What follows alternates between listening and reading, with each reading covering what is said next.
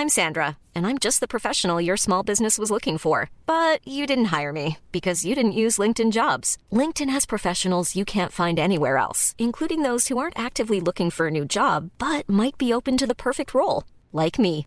In a given month, over 70% of LinkedIn users don't visit other leading job sites. So if you're not looking on LinkedIn, you'll miss out on great candidates like Sandra. Start hiring professionals like a professional. Post your free job on linkedin.com/people today. Hey Dave, Yeah, Randy. since we founded Bombus, we've always said our socks, underwear and t-shirts are super soft. Any new ideas? Maybe sublimely soft. Or disgustingly cozy? Wait, what? I got it. Bombus. Absurdly comfortable essentials for yourself And for those facing homelessness. because one purchased equals one donated. Wow, did we just write an ad? Yes. Bombas. Big comfort for everyone. Go to bombas.com slash ACAST and use code ACAST for 20% off your first purchase.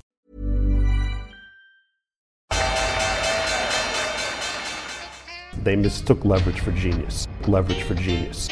I would recommend Japan. The governments don't rule the world. Goldman Sachs rules the world. Velkommen til en ny episode av podkasten 'Tid er penger'. Vi er på episode 68 nå. Nytt år. Er det her årets første, Peter? Ja, det er det.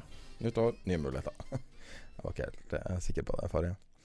Eh, det er jo ganske kan man si, litt mildt sagt litt ampert i verden nå, så vi skal jo snakke litt om, eh, om Iran og et par andre tema. Vi satt og diskuterte litt opsjoner, og hvordan Peter ser opsjonsverden, og hvordan kanskje de vanlige gjør det, så vi skal ta litt inn på det. Og så har vi en rekke andre tema i dag.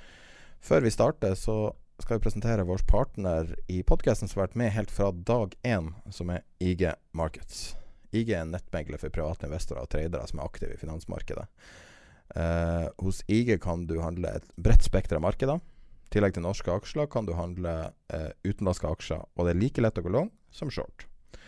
Eh, du har eh, eh, også tilgang til eh, et stort råvaremarked, og en typisk ting som ofte man trekker fram, er sånne eksotiske råvarer som appelsinjuicekonsentrat, sukker og alle mulige ting du, du har sett i oversikta, som du da her kan lett trade like lett long som short. Du kan trade valuta, statsobligasjoner osv. Eh, I tillegg så har eh, IG da for et par måneder tilbake introdusert noe som heter turbo-warranter. Uh, og nå har du eh, muligheten til å handle indekser, valuta råvarer eh, er, si, raskt, smidig og enkelt. Like lett som før, men også døgnet rundt. Da. Det er en, en av de nyhetene. Du velger uh, sjøl ditt uh, utslagsnivå, og du kan uh, eh, dermed bestemme både din eh, eh, giring og risiko. Eh, IGs uh, plattformer og mobilapplikasjoner gir deg tilgang til uh, gjennomsiktig handel, der du kan like lett gå long eh, eller short i en rekke markeder med høy likviditet. IG vil at du skal åpne en konto hos dem og begynne å handle med turbowarranter nå. Det er mange som, som søker til det også fordi at det eh, er veldig lik, eh, et, et likt produkt som um, futures. Så eh, før vi starter podkasten i dag, så har vi et lite utdrag fra en samtale vi hadde med Erik Hansen fra IG Markets, eh, som i sin, blir sett, eh, spilt i sin helhet eh, etter eh, podkasten. Og her er et lite utdrag fra Jeg tror det absolut viktigste er disciplinen, At man har en tydelig handlingsplan eh, innan man börjar handla. Og hele tiden vet hva man skal gjøre om positionen går åt fel håll. Eh, för för det, det jag har sett uh, under mina år som jag har hållit på med det här och när jag även handlat själv så vet jag hur, hur svårt det är att, uh, att hålla sina förluster små. Det är väldigt enkelt att man hamnar fel i en position och man kanske dubblar den, man kanske flyttar sin stopplås neråt eller uppåt beroende på vilken. Og da er vi i gang med dagens episode, og eh, siden sist så har vi vært gjennom eh, en uh, tredje verdenskrig som varte Jeg satt våken den natta når vi var i tredje verdenskrig. Det var en ganske spennende natt. Og så omtrent når du våkna Nei, jeg vekte deg vel? Vekte deg med SMS? Ja, nei, jeg fikk, jeg fikk jo flere, eh, flere SMS-er samtidig uh, uh, som kom inn. Jeg sendte deg klokka 2.30. Jeg sa Ja, det var ikke, It's kicking off. Ja, akkurat. Å, ja, ok. Da, da, den vekket meg. Jeg tror jeg Var det ikke rundt firetiden, da? Hvor, eh, hvor, jeg, hvor jeg selv var i aktivitet? Ja, det var he hele, halve natta da. Ja. Da var det krig. Hva du Ja. syns du om eh, krigen? Ja, altså jeg, jeg så på din uh, beskjed, og det var Jeg tror du skrev 'It's kicking off'. Og, og så sjekket jeg hvor, hvor, uh, hvor ting var. Og, og, så gikk jeg inn og sjekket markedet, og så var det så, bare så vidt det var ned. Uh, dette på, på, på mobilen. Og så tenkte jeg er det, her er det, dette kan ikke stemme. Og så gikk jeg inn og, og så et intradag, altså et intranatt-chart. For jeg hadde ligget short. jeg hadde vært short i to var dager. Short olje?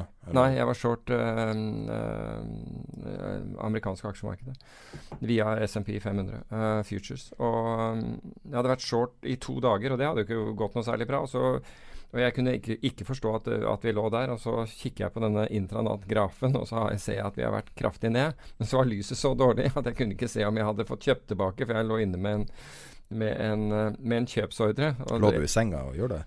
Nei, altså jeg, jeg satt på sengekanten akkurat da, og så sjekket jeg at uh, at, uh, så, så, men jeg kunne ikke se hvilket nivå det hadde vært på, så jeg kunne ikke se om jeg var blitt gjort. Men ordren min var sånn at jeg skulle kjøpe dobbelt så mye som jeg, uh, som jeg, var, som jeg var, short. Og det og, og så jeg gikk da ned, og da, det var da jeg, var, var, da jeg var på Messenger med deg, slo på systemene. For det første ville ikke komme opp. Det var også et problem å få logget inn. Det, det er litt typisk. Og så så jeg at shorten var dekket, og at jeg var long. Og at markedet var nesten uforandret fra der det var eh, kvelden i forveien. Rett etter at USA stengte, så, så, så falt det litt eh, ned. Det var nesten uforandret på det. Det var nesten sånn bortimot utrolig. Uh, så, så, jeg solgte da den delen jeg var long. For jeg tenkte dette her altså dette her får jeg ikke til å stemme. Men det viser seg at, uh, at markedet har jo fortsatt oppover siden det. Så Ja, det er jo veldig Det her er jo veldig sånn god lærepenge i at ting er ikke alltid så straightforward som man tror det. Ja. Veldig mange som ikke har erfaring med å trade, blir dratt inn i en historie av en eller annen grunn. Altså en eller annen uh, måte narrative der de er veldig negative til noe. Mm. Veldig positive til noe. Hva enn. Begynner da å nilese nyheter rundt det. Blir ultrafokusert. Og tror at, det her er, at alt følger det logiske løpet. F.eks. når vi Jeg sitter bare og scroller tilbake på når vi satt og chatta på Facebook, og så um, også, kan du bare kalle det Messenger? Facebook høres så fjortis ut at det er helt Messenger. og så eh, Og så sitter, sitter, sitter, vi og sender ting fram og tilbake. Og så sier du 'Har du sett flyet?' Ja. Og da hadde jeg snudd meg bort fra, fra TweetDeck i ca. ti sekunder. Og da hadde et iransk fly krasj, eller et fly krasja i Iran. Eh, og det her er liksom Det kicker off mer. Så går jeg og sitter du og hører på eh, Air Traffic Control. Ja. Jeg sitter og følger med på, på flyradarbildet. Finn fløyten som er krasja. Jeg tar opp det bildet nå på skjermen. Du ser på, på utviklinga. Det her flyet må være skutt ned. Altså når du ser på utviklinga mm. at uh, det var tre-fire-fem minutter etter avgang, og det bare forsvant. Mm. Det var ikke noe indikasjon på at det begynte å gå ned. Um, og da kan man tenke krig. Men Et fly er skutt ned i Iran. Altså, ja. Men du kan si at det som gjorde at jeg i det hele tatt begynte å sjekke nyhetene der, det var at jeg så uh, den uh, SMP, altså SMP-futuren, falle syv uh, handles, altså syv figurer. Altså fra, fra 32,27 til 32,20. Altså det gikk rett ned. Mm. Og det, det, er klart at da skjer Og så for i, omtrent like kort tid etterpå være opp igjen. Og det var det jeg sa etter, etterpå til deg at det her må være sentralbanker. Det her må være noen som støtter dette. Altså, det gikk jo ikke mange altså Først oppdaget jeg at det var det flyet, men det var jo bare for Hva var det der for noe? Og så sier man nei, det var tekniske årsaker. Og så må man, vet det. Når et, når, når et fly dundrer ned i et fjellområde, du, da vet du ikke mye om det. Uh, det er iallfall helt sikkert. Um, og så, som du sier, så begynte jeg å lytte på forskjellig air traffic control for å se om de, de dirigerte fly vekk fra, fra, dette området. Og forbausende nok, det var jo ingen som gjorde det. Du, opp, du, oppdaget et, ja, du oppdaget et KLM-fly på vei vestover som fløy over dette området, og det var plenty fly som, som kom ut av uh, Doha og Dubai som hadde kurs østover. Igjen Uh, så det var jo liksom sånn en, en, absurd situasjon. Altså ingen på air traffic control. Men dagen etter Jeg tenkte at de må jo vekke opp uh, operations i disse flyselskapene nå når et fly har gått ned.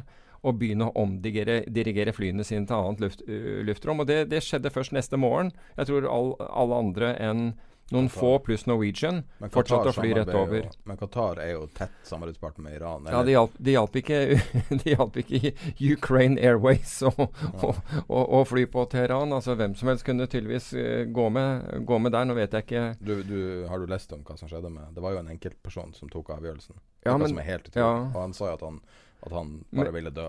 Ja. Det, det var, nei, nei, det er ikke han som sier det. Det er lederen for, for flyvåpenet. Altså lederen som sier at han, han ville altså han, føl, han, ville, han ville dødd. Altså han følte som han ville heller dø. Ok, Jeg trodde det var han som avfyrte. Nei, han tror jeg ikke vi har hørt noe fra, og spørs om vi noen gang gjør det. Uh, men, uh, men altså, det er jo det Men poenget her er det, ja. Hvis du da tar uh, 30 000 feet view, sånn uten uh, no pun intended uh, at du ser det her fra fugleperspektiv. Og så tenker man her er hele oppskrifta på en konflikt, og så har man mm. den gamle Kuwait måte manualen, og så sitter man og tenker OK, olje opp til himmels, og den har gått opp en del, men altså fortsatt innen rimelighetens grense. Marked ned, alt mulig ned. Men, men dine instinkter som trader da sier eh, Med en gang får vi en mot, uh, et motprosjektil altså fra um, sentralbanker, som vi så jo vi så jo allerede beskjeder fra Sør-Korea mm. om at sentralbanken satt og følte. Det her basically sier vi injiserer penger mellom linjene. Ja, de har sikkert fått beskjed fra f.eks. amerikanske, eller hva, hva, det er, altså til å, til, til å nettopp gjøre det, altså sørge for likviditet, eller hva, et eller annet sånt. Ja. Så det er det som er tingen, er at du, du må tenke firedimensjonalt.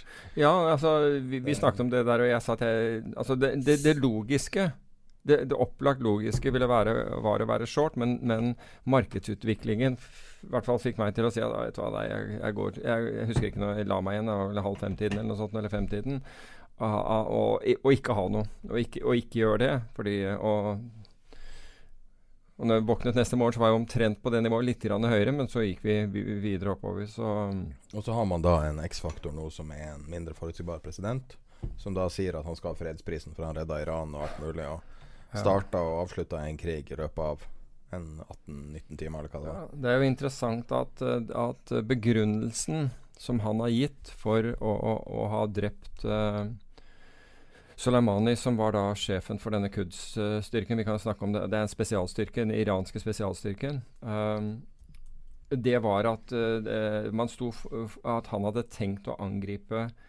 fire amerikanske ambassader så er det jo det, da, at uh, Session, altså uh, uh, Forsvarsministeren, kunne da fortelle litt senere den dagen at han hadde ikke noe som tilsa det. Fått noe informasjon som tilsa det. Og andre har da sagt det samme. Og også republikanere, for en gangs skyld, har jo godt sagt nå at nå får Det hvite hus legge frem nå er det på tide at man legger frem bevis for det man sier. Og hvis vi husker tilbake igjen til da uh, Trump uh, kansellerte, altså, eller trakk seg fra avtalen med Altså den atomavtalen den, med Iran, så var det også fordi han hadde så mye etterretning som, som aldri ble produsert. Så det har aldri blitt lagt frem. Så men, men jeg føler jo at når vi først Altså Det der er et sånn murky område og, og, et voldsomt område. Og da kan det være greit å bare se litt tilbake på Altså hvorfor, hvorfor har vi denne her eh, stadige konflikten mellom USA og Iran? Og det var ikke en konflikt som startet i 79, da, da Shahen flykta? Ja, da Shahen flykta og Khomeini kom inn, og, og studenter og andre stormet uh, den amerikanske ambassaden i Teheran og tok 52 gisler. Altså Dette går jo tilbake til, som du nevner, Shahan. Det går tilbake til noe sånt som 1941, tror jeg han ble, ble satt inn. Men da var, det, da var, de to.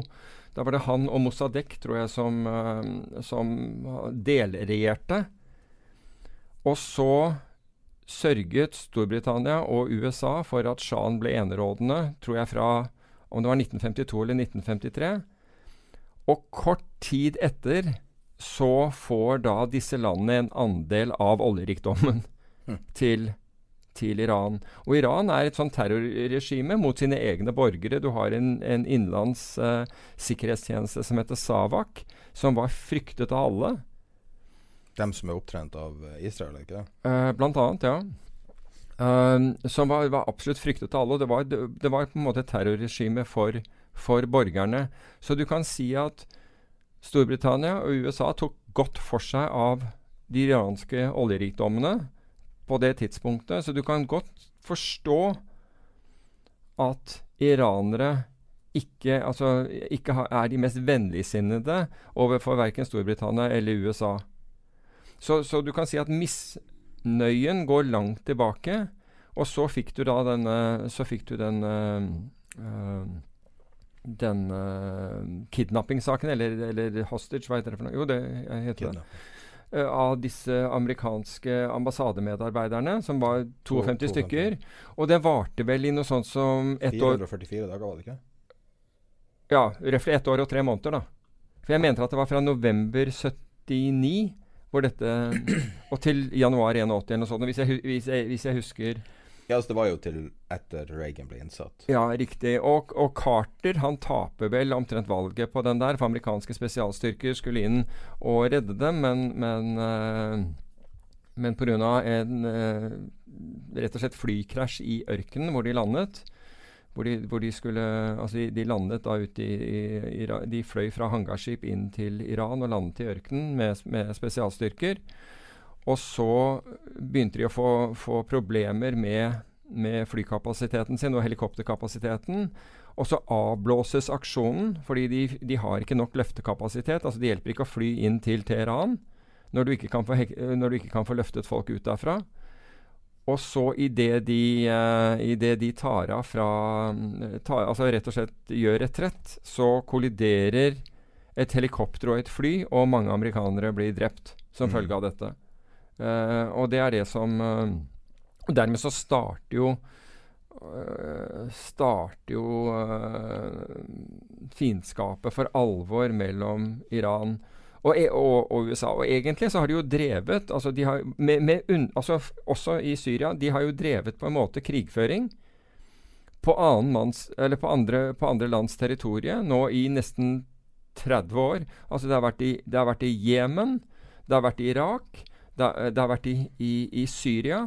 Men det siste Og hvis man liksom For alle som Altså, Trump mener jo at han Suleimani Soleimani um, var en terrorist, men de fikk god hjelp av Soleimani, som da støttet uh, Assad-regimet, eller Iran støtter Assad-regimet i, i, Syria. Be, men de bekjempet også IS. Så så eh, IS var da en felles fiende både for altså, koalis eh, koalisjonen bestående av USA, Storbritannia og, og andre. Frankrike. Um, uh, mot, da, mot, IS. Så uten Sulamani fra, fra, den siden, og ha, på en måte hans uh, Hva skal vi kalle det? Hans uh, egenskaper som, om du vil, hærfører, så hadde Så hadde den, sikkert den konflikten vart enda. Så da fant man at, at det, dette var en mann vi kunne bruke. Men, øh, men, nå var det da at man og, og, dette kommer altså for det første, og dette kommer akkurat når denne impeachment som heter Hva heter på norsk? Gudfett. Ja, eh, ja, men hva er det det heter da? Riksrett.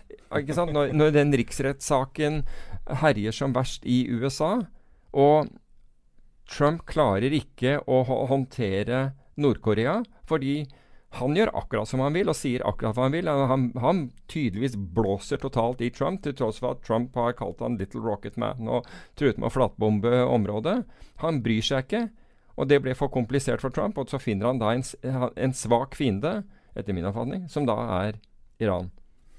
Kan jeg få komme med tre kommentarer? Ja. du har uh, litt mer erfaring enn meg, mildt sagt enn det her. Men tre observasjoner. Det ene er hvis du har lyst til å ikke bli bomba av USA, få deg et atomvåpen. Sånn som ja. Nord-Korea implisitt har. Um, nummer to er at uh, jeg har inntrykk av at uh, USA har fått feil lærepenger av tidligere Iran-problemer. Fordi at siden det her var så stor medvirkende årsak til at Reagan ble valgt, så tror jeg at det her er, er det blitt en sånn del av lauren i det republikanske partiet. At hvor effektiv Iran kan brukes som et politisk våpen. Mm. Og nummer tre er at hvis man kan si én ting om Donald Trump, så er han en mester i å manipulere media. Ja. Folk kaller han en idiot. Jeg vil ikke kalle han en idiot. Ingen klarer å manipulere media bedre enn han. Nei. Snakk om impeachment lenger. Nå snakker de om å he at folk er jo spredd over alle hauger. Ja. Han holder seg i live en dag til, og det er jo sånn det har vært. Det har vært hele karrieren hans. Men det er jo altså det er jo umulig altså hvis, hvis, du ser på styrkeforholdet mellom Iran og USA, så er USAs militærbudsjett omtrent 50 ganger det som det i Iran sitt. Hvor stort er budsjettet til IS, da? IS? Ja, de klarte jo å holde ja, altså, I dag så er det ja, ja, det gjorde de, men vet, det vet jeg ikke. Men, eh, men, eh, men eh, du kan si at Iran har jo, har jo et budsjett som er mindre enn Israels. Altså Israel har vel 16 milliarder, jeg tror det er 13 milliarder i Iran. Mot Saudi-Arabia, som er 67 milliarder i militærbudsjett. Har du noen gang vært på Wikipediaen til Al Qaida? Nei. Så hvis du går på Wikipediaen, så kan du lese hva de, hva de prøver å oppnå. Al Qaida? Al Qaida. Okay. Som fortsatt er opera operasjonen. Ja. Um, og hvis du uh, går inn Jeg tenker du Al Qaida Ap, da, eller? Uh, Fordi det er jo det som er relevant her, ikke sant? Arabian Peninsula. Delen av dem. Al Qaida på Wikipedia. Okay. jeg, vet, jeg, vet, ikke hva mer jeg kan si. APW. uh, så hvis du går og ser på strategien deres, mm. punkt fem, så står det Det, det her er noe uh, Osam bin Laden tru, Nei, skal vi se um, Al-Quds al-Arabi publiserte noe som Saif al-Adel hadde skrevet, som var strategien for Al Qaida eh, fram til 2020 i år. Eh, og da er punkt fem er The US economy will finally collapse by the year 2020 under the strain of multiple engagements in numerous places. This will lead to collapse in the worldwide economic system and lead to global political instability. This will lead to a global jihad by Al Qaida a Wahhabi caliphate that then be installed across the world. Mm. Altså Man kan si hva man vil om Al Qaida, og det er nesten alt 100 vil vi si er negativt. Men de har jo gått ganske langt i å oppnå det. Du sier at budsjettet deres er så stort, men jeg vil jo si at USA er så, så økonomisk strained som noe land er nå. Ja, men, men, du kan si at Iran er enda mer strained, fordi du kan si at altså, da USA trakk seg fra fra den uh, avtalen med Iran som var i 2017. Tar jeg feil?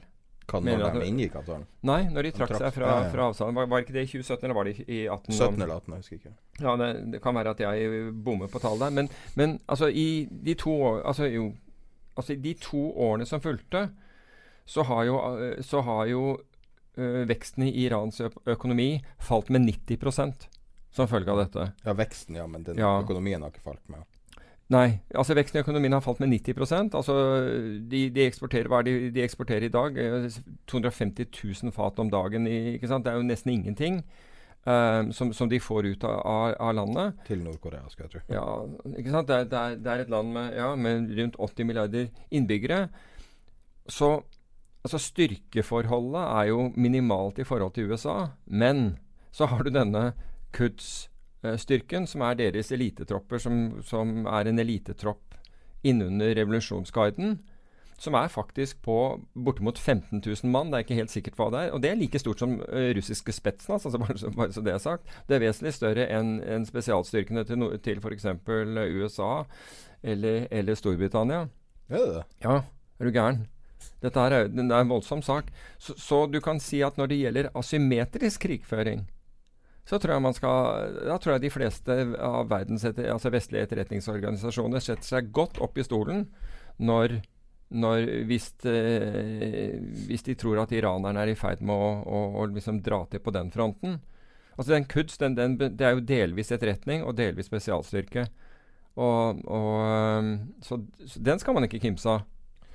Um, apropos utradisjonell krigføring, eller, eller asymmetrisk krigføring. Mange tror jo at man er kommet i en situasjon der man driver i større grad med økonomisk og, og si ja, eh, selskapsorientert krigføring mer enn nasjonalt. Mm. Eh, hvis du ser på Kina og andre land som driver med litt nye metoder.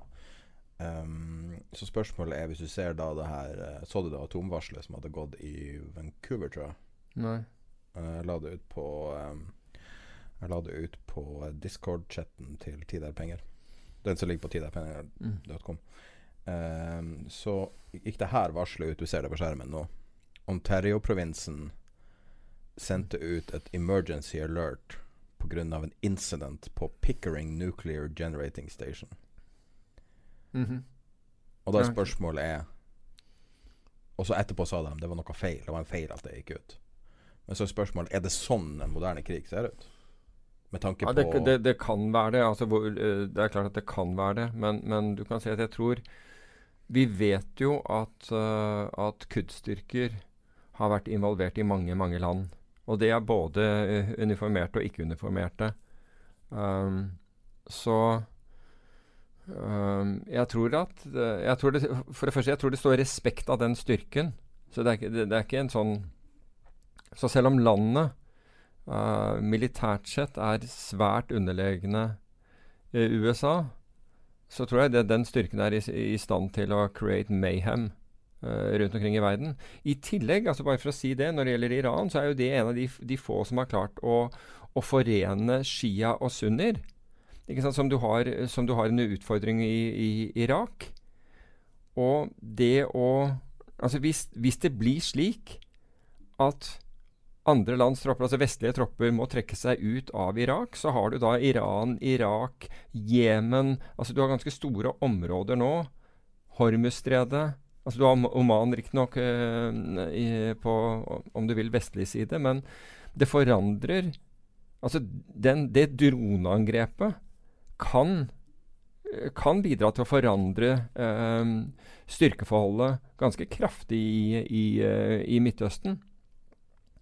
Og altså, Ta Hormuzstredet. Det er 20 hvis jeg ikke tar helt feil. Må, må jeg huske, altså nå, nå tar jeg fra hukommelsen, og den, eh, den, den kan være eh, slitsom, den av og til. Nå kommer jeg akkurat på at det, det, forsvarsministeren i USA heter Esper, selvfølgelig. Um, men at, at ca. 20% av verdens olje, øh, olje går gjennom Hormuzstredet. Så, så dette er viktige områder. Um, og man skal tenke seg litt om før man, man eh, begynner å trampe disse altså, Det USA har gjort mot Det, det, er- det er interessant. Hvorfor havnet USA i Irak nå i, den, i, i siste omgang? Jo, det var pga. en, opp, en, en, en, uh, en spinndoktor som sier at de har eh, masseødeleggelsesvåpen, og dermed så gikk man inn. Viste seg at de hadde ikke det i det hele tatt. Tenker du på han der curveball? Ja, nå man, og nå har man bortimot flatbomba, altså delvis flatbomba Irak. Og der er det jo helt forferdelig. Det er jo helt forferdelige tilstander i Irak. Courtesy, den koalisjonen som gikk inn og, og, og, og waged war i Irak. Ja, altså man, har bom, man har gjort sånn at folk i Midtøsten er redd Altså barn som vokste opp i Midtøsten, er redd for en blå Altså en klar himmel. For det betyr at droneangrep kommer. Ja. Og grunnlaget sant, for, for opprettelsen av IS, den kom jo fra, blant fra Irak. Mm. Så du kan si at når man nå på tynt grunnlag, virker det som, siden forsvarsministeren og andre ikke vet, har fått uh, dokumentert eller kjente til engang planene om at, uh, at ambass amerikanske ambassader sto i fare for å bli bombet av Soleimani, så virker dette nesten som en sånn sak. Og så har da det, det flystyrtet som du viste til helt i, i begynnelsen, det er jo blitt en wildcard oppi det hele. fordi nå har Det har faktisk satt i gang, fordi myndighetene holdt tilbake igjen hva som var årsaken, så har det satt i gang de demonstrasjoner internt i Iran. Så nå, nå er jo liksom virkelig situasjonen uoversiktlig. Og det kan hende at det taler til USAs fordel, jeg vet ikke. Men, øh, men, men apropos det, altså forskjellen Det var noen som sa at ja, ja, øh, Trump er ikke den første som bruker droner. Nei, overhodet ikke. Det, ble, det blitt ble brukt av Obama og, og Bush før han.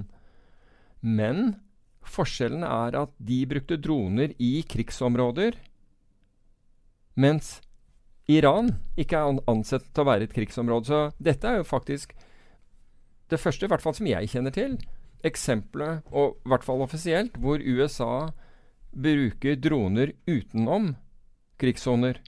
Men uh, altså da og ikke det erklært ny, krig og det er en ny, nei, men det er en ny 41. Nei, men, men du kan si at du, ha- du hadde krigen i Syria, ikke sant? Du hadde krig i Libya.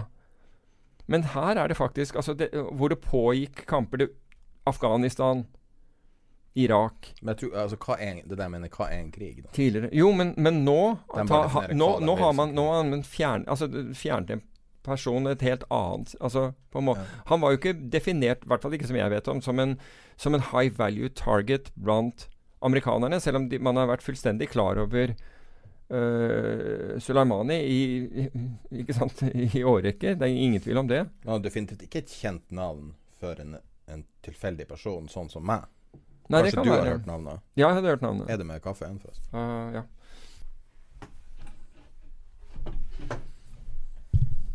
Men um, jeg har en historie jeg har lyst til å fortelle deg, som jeg er blitt kjent med.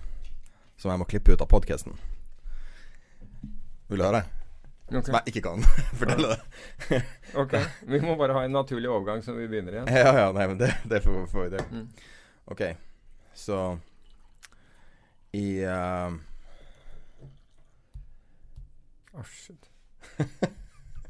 Nå klipper vi inn igjen der på oh shit. Den der kunne jeg ikke holde inn. Den, den er helt jævla crazy. Altså. verden er så crazy nå. Jeg skal bare finne den der uttalelsen. Jeg, jeg tror jeg sendte den til deg, den der eh, med, om uh, han der som sa at hvis du bruker det til å kjøpe deg inn i markedet som en opportunity Ja, ja, det har jeg her. eh, Det har jeg her.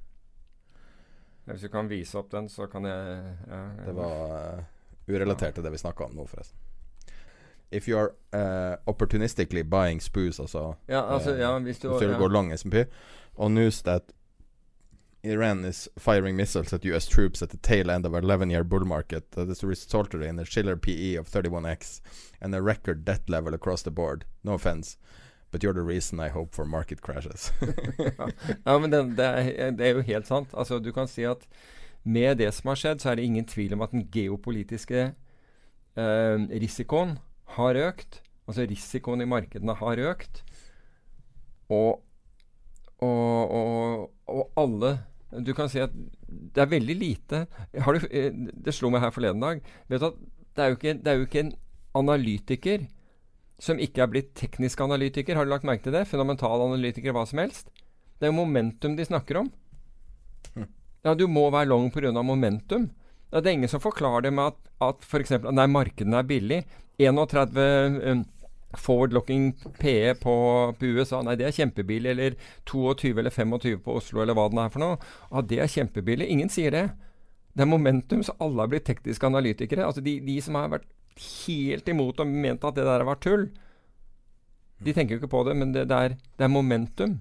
Jeg tror det er ikke De er ikke tekniske analytikere, er opportunistiske Ja, ja, whatever, ikke sant. Men, Whatever eh, men, men du kan si at i Fama French er jo momentum en av um, en av uh, de tingene du skal, du skal følge med på, så Men det, det kan bringe oss videre Friends. til neste. Nå har vi snakka om uh, Nå har vi snakka om mye elendighet her og i forbindelse med ja, det er elendighet fordi folk, folk dør, men, men poenget er, er jo egentlig å oppdatere slik at folk har, altså får, en, får en viss sånn både informasjon og, og altså heads up på, på hva som har skjedd og, og, og hvordan.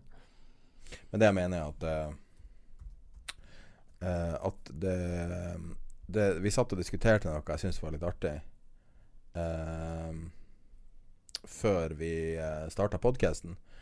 Uh, så vi så litt på opsjonspriser uh, rett før Rett før vi, vi starta episoden i dag, så hadde jeg uh, delt på På chatten Så hadde jeg delt en um, En en analyse, eller bare en flash av en analyse, eh, om at eh, JP Morgan sier at eh, leverandørene til Apple har hatt tre underperforming måneder. Noe som er et veldig interessant datapunkt med tanke på at Apple, hvis du drar seksmånedersgrafen på Apple, så er det nesten en rett strek opp. De er opp 50% på seks måneder. Det er sånn obligasjonskurs. største jeg bare, altså det, Ja, det er akkurat som å, Mm. å shorte vold i 2010, liksom. Altså, Mm.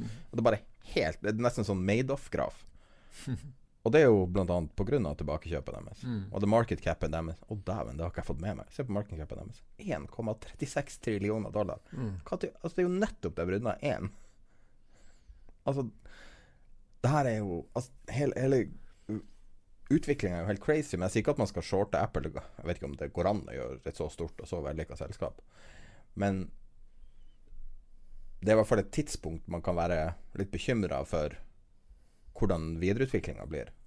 Spesielt med tanke på at vi er på de her nivåene som er så vanvittige og tilsynelatende. Selv ikke tredje verdenskrig i et halvt døgn er nok Mm. for å knekke ryggen på det.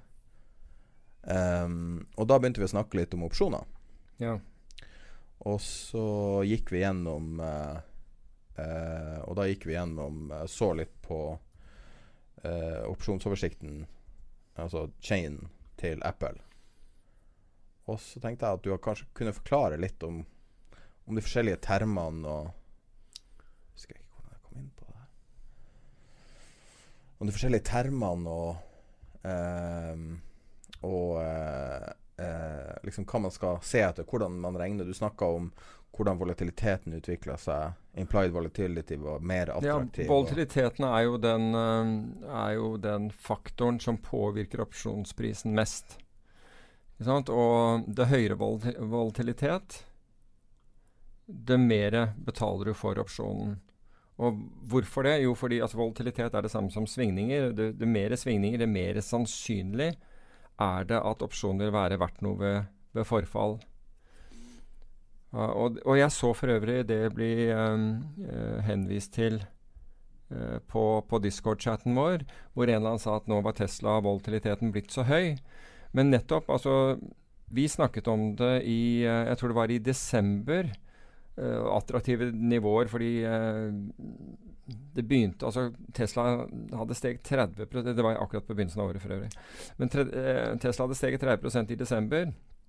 Og ingen av oss hadde lyst til å stille oss foran toget og prøve å shorte, å, å shorte den, fordi den, den sant, gikk som en rakett. Og det har jo vist seg å være riktig å gjøre. Og jeg så da etter en, eh, å gjøre det gjennom opsjoner, og bl.a. gjennom samme kombinasjon som jeg hadde gjort eh, tidligere. Men som jeg sa til deg, at jeg syns ikke vi får godt nok betalt.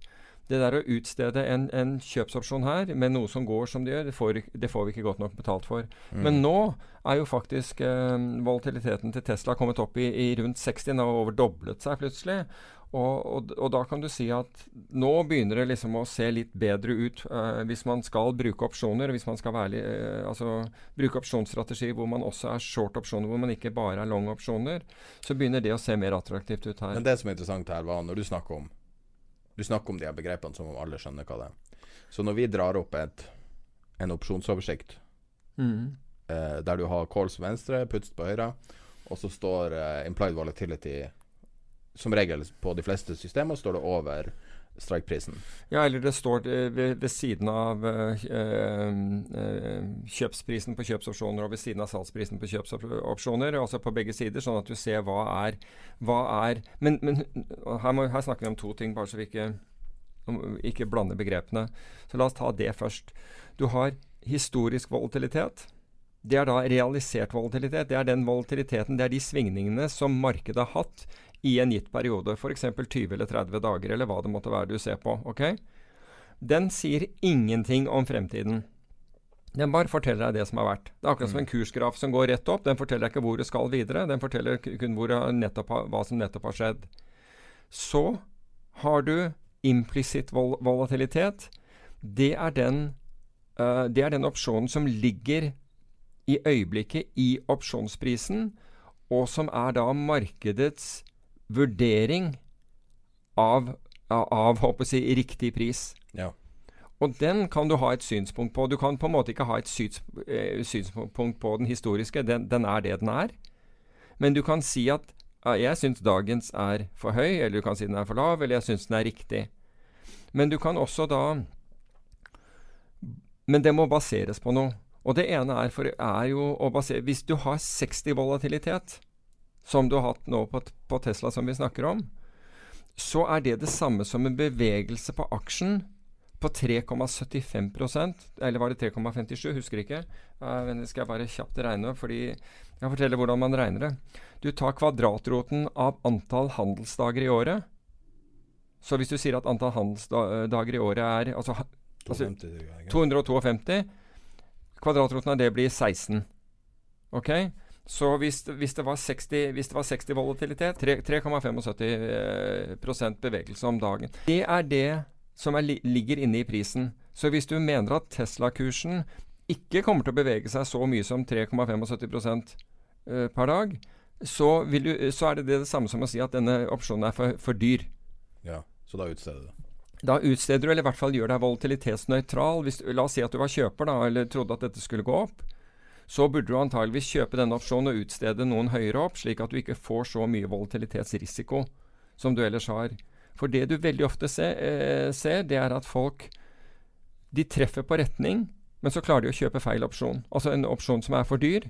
Og så går det opp, men det går ikke opp så mye som de har betalt i premie. Mm. Um, ja, det er jo det foredraget du holdt um, Det IG-foredraget du holdt der du forklarte opsjonshandel, som var utrolig ja, fordi, for, for, da, man, liksom, da, da, får man et forhold til det, istedenfor at man ser på en opsjonspremie og sier å ja, det er det den koster, kanskje jeg skal kjøpe den. Men altså, det kan godt hende altså Hver eneste strike, altså hver eneste innløsningskurs, har, har, for, altså, har ulike altså er, Det er ulike uh, implisitt volatilitet, altså ulik prising på de opsjonene. Selvfølgelig fordi det er ulik innløsningskurs, men også vil man finne ut at den implisitte volatiliteten, den innbakte volatiliteten i den prisen, er forskjellig avhengig av hva man handler. Men for, eh, kan du finne feilpris av volatilitet? i det her? Altså, du vet jo ikke hva som er riktig. Vil det være som en feilpris av aksje? Ja, på, på, en måte er det det. Men, men, du vil jo ikke vite det før, før, før du er ute av den handelen igjen. ikke sant? Du kan mene at en aksje har feil pris i dag. Men det er markedets vurdering du ser foran deg, så ja. du er i mindretall.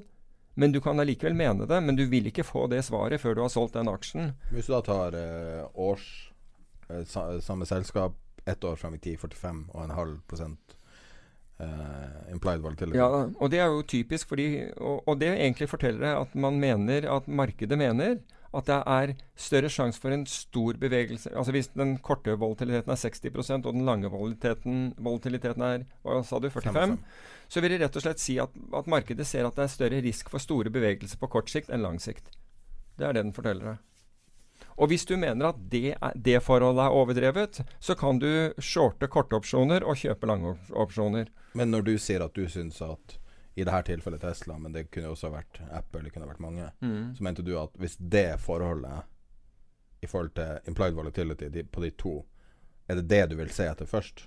Nei, jeg vil, jeg vil se at, altså jeg prøver å gjøre en sånn I, i dette tilfellet så har jo ikke den historiske volatiliteten tatt igjen den im, implisitte volatiliteten, fordi det har skutt opp så kraftig. altså Det gikk opp 30% altså Tesla, ku, nå snakker vi om kursen, steg 30% i desember og har fortsatt å stige etterpå. Slik at, uh, og det som har skjedd med, med, Tesla, er at veldig mange som er blitt short, uh, har fått margin calls. Og veldig mange har måttet, har måttet, kjøpe for å slippe å Altså for å kunne sitte på shortene sine, så har de måttet gå og kjøpe seg kjøpsopsjoner. For, for, for at de ikke skal ha ubegrensa risiko til oppsiden. Mm. Og det har man sett, og dermed så har det blitt stor etterspørsel etter kjøpsopsjoner. Det samme har vi sett i det amerikanske aksjemarkedet. Det ble voldsom etterspørsel etter kjøpsopsjoner i, i forrige uke. Voldsom etterspørsel. Jeg tror det var fire eller fem til én av, av, kjøpere av kjøpsopsjoner. Altså Det er noe av det største de har sett på, på, på, på lang tid. Og jeg skrev en blogg om da det motsatte forholdet var, og det var i desember. Da var det veldig etterspørsel etter salgsopsjoner og veldig liten interesse for kjøpsopsjoner. og da på, Vi kan jo eh, legge ved en link til bloggen, men da, da, var det slik på den amerikanske aksjeindeksen hvis du, eh, hvis du tok utgangspunkt i opsjoner, salgsopsjon som var 5 under markedet, og en kjøpsopsjon som var 5 over markedet. Hvis du utstedte den salgsopsjonen, så fikk du så bra betalt for den at du kunne kjøpe to og en halv kjøpsopsjon. Mm 5 over markedet. Den er ganske in the money. Den er ganske, ja, og den, altså nå og Da trenger du ikke å tenke noen retning. Nei, Alt du tenker er at ja, jo, det kommer til å velge retning og go for it. Ja, altså du velger jo retning der i og med at du, du er long, men jeg sa det Altså, dette var jo et alternativ. Hvis du satt på aksjer, mm. så, så, så sto, fremsto det der og du tenkte jeg skal være Altså, jeg ønsker å være long, jeg tror at markedet stiger, så var det en veldig god mulighet til å få en ordentlig kick på oppsiden. På samme måte nå så, så, vi så mye kjøping av kjøpsopsjoner i forrige uke at den skuen har kommet markert ned. Så nå begynner det å se attraktivt ut å gjøre det motsatte. Men du vil ikke få det samme tilfellet. Du vil ikke få to og en halv ganger eh, salgsopsjoner til nedsiden som du får til, til, til eh, som du utsteder til oppsiden. Men forholdet her har nå normalisert seg. Så det oppstår da kan, jeg, altså jeg, vet jo ikke at det er feilprising. Jeg, jeg reagerer på at prisen er så ekstrem som den er. Og den gir muligheter.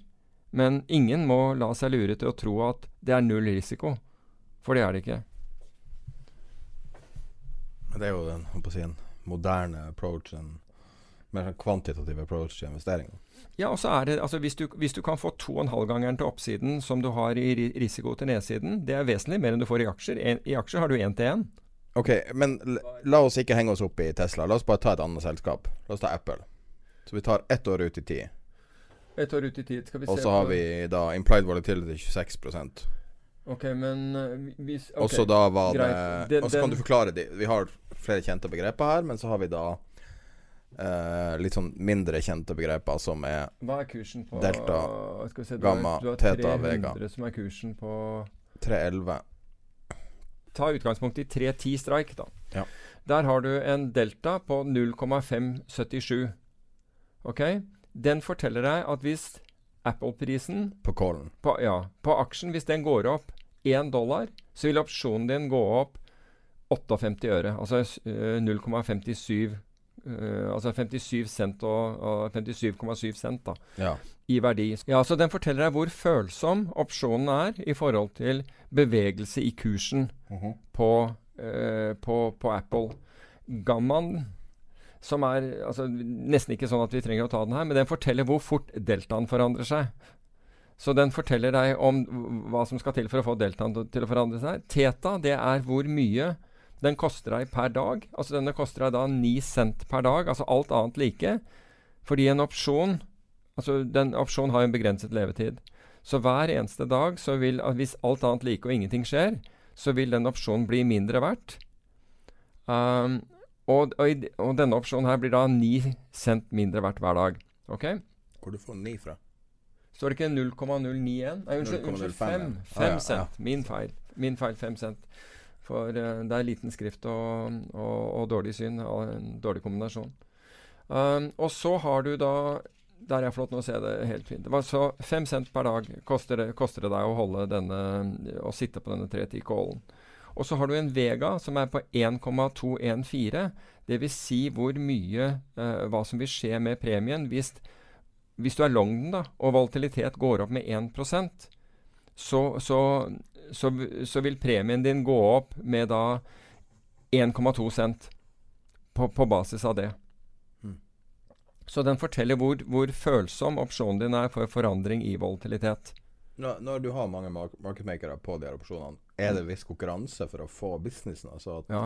at de her prisene er Altså det her er teoretiske? Ja, ja du, det, er, ikke teoretiske priser. Altså Du kan si De regnes ut etter tilbud og etterspørsel, og etter okay. boken til den marketmakeren. Så det her er i praksis boka vi ser for opsjoner? Ja, fordi, ja det er det. Og hvis, hvis, uh, hvis marketmakeren har veldig lang volatilitet, så vil han forsøke å kvitte seg med det.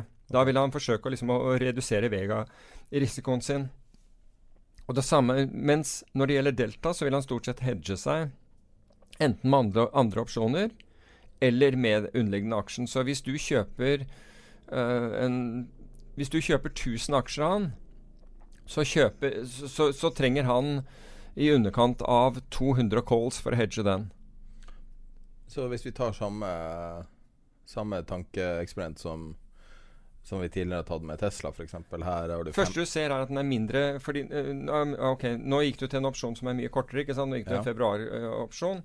Uh, den vil ha mye mindre vega. Den er my mye mindre sensitiv for endringer i volatilitet enn en lang opsjon. Men den har eh, større implied volatility enn Ja, det er, det er bare fordi det, Ja, i tilfelle Tesla så har den det. Nei, i dette tilfellet Apple. Og så er det i, i tilfelle har den det Ja, jeg ser ikke hva Det var 33,6. Hva hadde vi på den andre?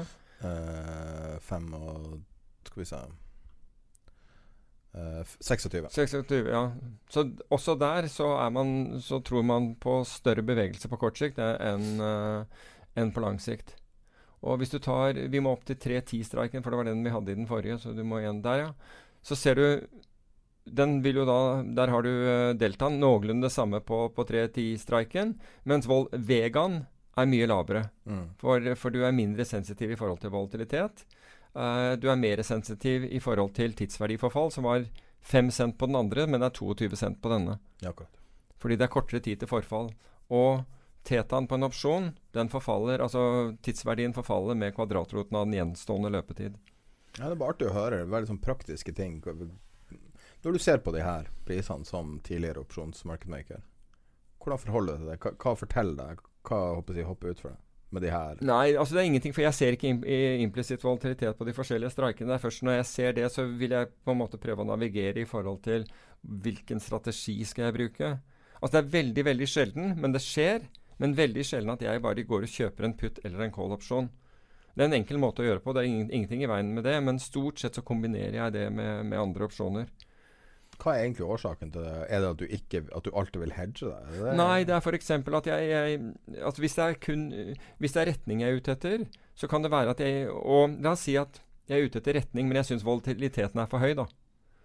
Da, da. da føler jeg at jeg betaler for mye for den retningen. Da vil jeg forsøke å selge en annen opsjon for å, for å dempe av volatilitetsrisikoen min.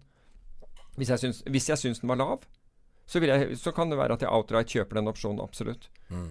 Um, fordi um, uh, For da har jeg jo sagt at, at denne er i utgangspunktet billig, både når det gjelder volatilitet, og når det gjelder Og jeg, og jeg har tro på retningen. Um, og det var det som i, det, i forbindelse med den I forbindelse med den SMP som, som, på, som jeg skrev om på bloggen, så var det jo nettopp det der at opsjonsprisingen ga en mulighet. Ikke bare volatiliteten, men den skuen, altså forskjellen i hvordan man priser eh, salgsopsjoner under markedet, altså 5% under markedet, og kjøpsopsjoner 5 over markedet. Eh, differansen mellom det i volatilitet var så stor at dette ga en unik mulighet. Det ga mu muligheten til 2,5 til 1. Mm. Du fikk 2,5 så mange kjøpsopsjoner som, som du utstedte salgsopsjoner. Og det er, en, det er ganske bra heftig giring. Så det er i praksis eh, Og det viste seg jo da å, å slå inn, og, og, og hvis du fulgte Mm. det rådet fra, fra bloggen Det var ikke råd, men det var bare altså jeg, det. Men i hvert fall Jeg forsøker å gjøre du oppmerksom på det der. Ja, gjøre oppmerksom ja, Eller altså- lærte noe av det og ja, kunne har gjøre du, det senere. Da har du tjent penger. Da har du helt klart tjent penger. Ja, da sitter du veldig lang Tesla nå gratis. Ja, ikke Tesla, eh, SMP 500. SMP 500. Ja. Da sitter du Men var ikke det lignende eh, for Tesla også? Nei, der utsetter jeg en call og, og, og kjøpte en, en put-spread til nedsiden. Så jeg utstedte call, uh, out of the money call. Ja, det vet, ja, det vet jeg, Ja. men jeg tenkte noe siste på bloggen. Du skrevet ikke om det også? Nei, jeg drev og så på Tesla, men jeg Ja, for du sendte meg det bildet ja, og jeg av den syn- Syns ikke det var Ja, og det, jeg syns ikke det var attraktivt nok. Nei. Nok priset. Og der ser du også det, det var jo nesten som Jeg viste deg hvor ved det var, Mm. og påpekte det. Det var nesten så de visste at det skulle komme en stor oppgang. For kjøpsopsjonene ble jo voldsomt høyt priset der plutselig. I Tesla? Ja. Det var jo hele denne greia her, og det var det jeg påpekte. Ja. Og det viser seg jo Om det har gått opp over 30% siden, så kan man jo si at det holdt stikk. Så du, du kan si at det kan, ligge, det kan ligge informasjon i opsjonspriser. Og, det kan, og når det ligger Der åpna markedet. ja, og når det ligger informasjon, så ligger det også, øh, så ligger det også muligheter i det. Bruker du sånne surface-grafer? Sånne Mm. Ja, ja. 3D-grafer? Ja, jeg, var den første, som- jeg var den første som hadde surface-grafer på valutaopsjoner på Phoenix. Jeg fikk de til å lage det for oss. Ja. For å For de er ganske fine. Da kan du se et søkk der det er noe spesielt som skjer. Ja, det vi så på de, det var jo at vi så hvor det var store innløsninger. Altså hvor Eller hvor, det var øh, eh, eh, Du kunne se at det var stor aktivitet på visse innløsningskurser på visse tider. Ja. Og du visste Da faller det ned som og, et- Ja, du kunne se ja, du kunne Det gravitere mot det, Ja, på en måte. nettopp. Og det var akkurat det du, det du så. Altså Du måtte være klar over de, disse, disse opsjonsforfallene. Og vi fikk de fra brokere hver eneste dag. De ville kalle oss opp om morgenen og si at i dag så har vi store innløsninger i dollar Sveits på, på dette nivået. Og du ville se markedet gravitere mot de, mot de kursene, rett og slett. Og det er fordi marketmakere har behov til å kjøpe og selge over og under disse, disse kursene. Er det nok vo øh, volum i de her markedene til å få på en måte et høyoppløst chart, hvis du skjønner hva jeg mener? I, I noen av disse er det det. Ja. Ah, ja. Eksempel i uh, SMP er det vel sikkert det. Ja. SMP er det, de men jeg er tipper. Ja, det tror jeg også. Det tror jeg også. Har Infront det som uh, som De har ikke Nei, jeg har ikke sett det der. 3D-volatilitetsgrafer. Det har de Kanskje ikke. noen brokere har det. Vet. Ja, men du kan eh, Du kan vel lage deg det på, på en del ting. Så kan du i hvert fall lage Du kan gjøre det i Excel. Vol ja, det kan du gjøre. Det Så kan du du kan eksportere dataen til Excel Mm. og gjøre det. Så uh, hvis du Du kan sikkert bare google Google Surface Chart. Eh, hva er TMV for noe på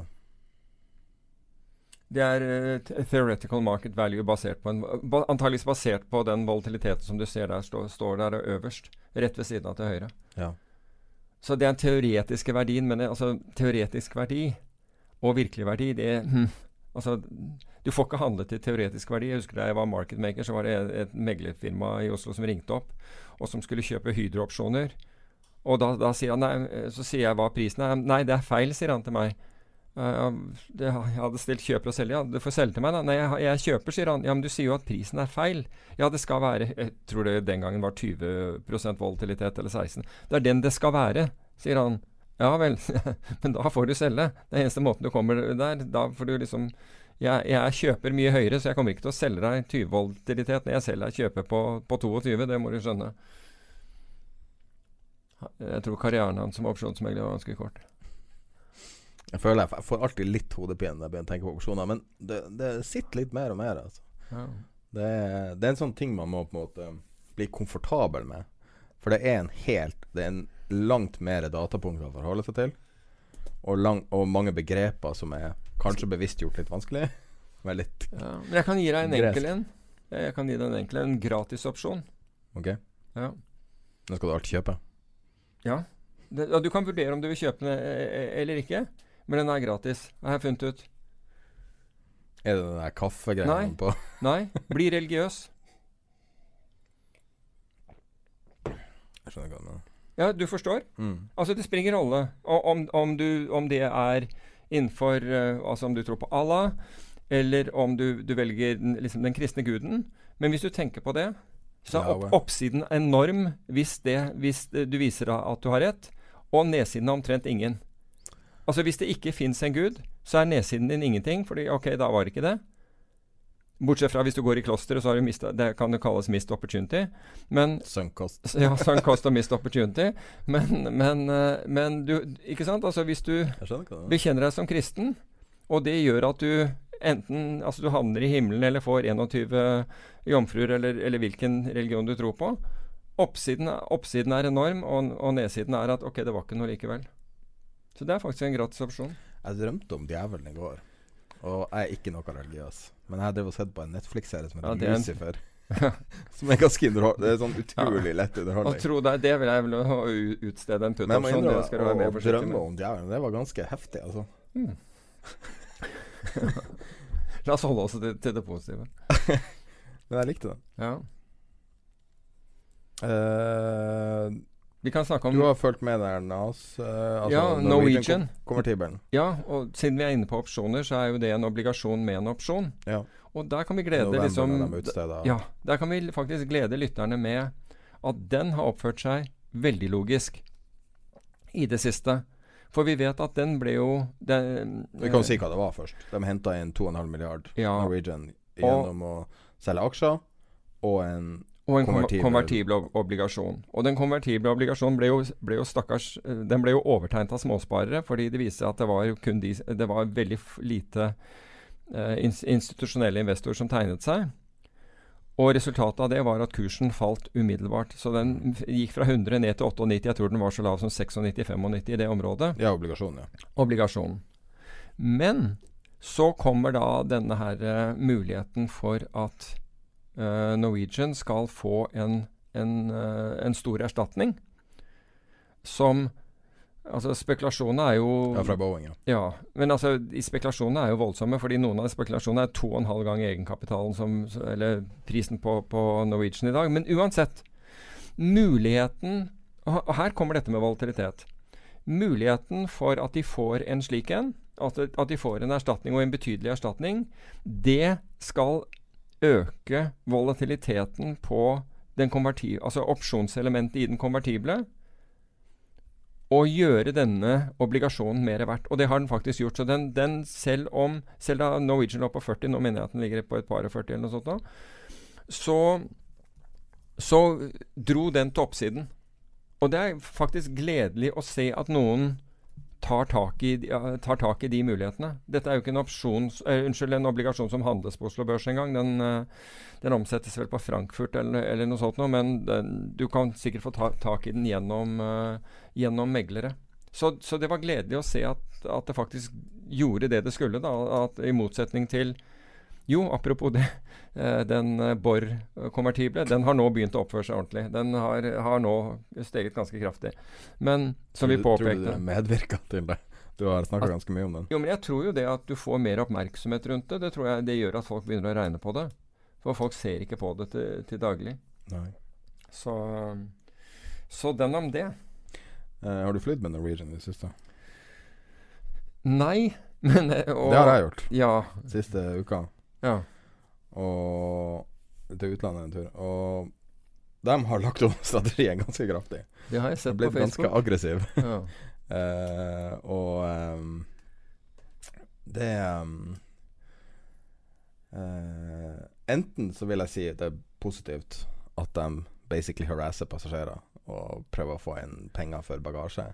Eller så bare pantsetter de hele markedsverdien sin uh, for å tjene noen få hundrelapper på å få folk til å sjekke inn bagasjen de vanligvis ville tatt inn i kabinen. Mm. Det var helt utrolig å se på.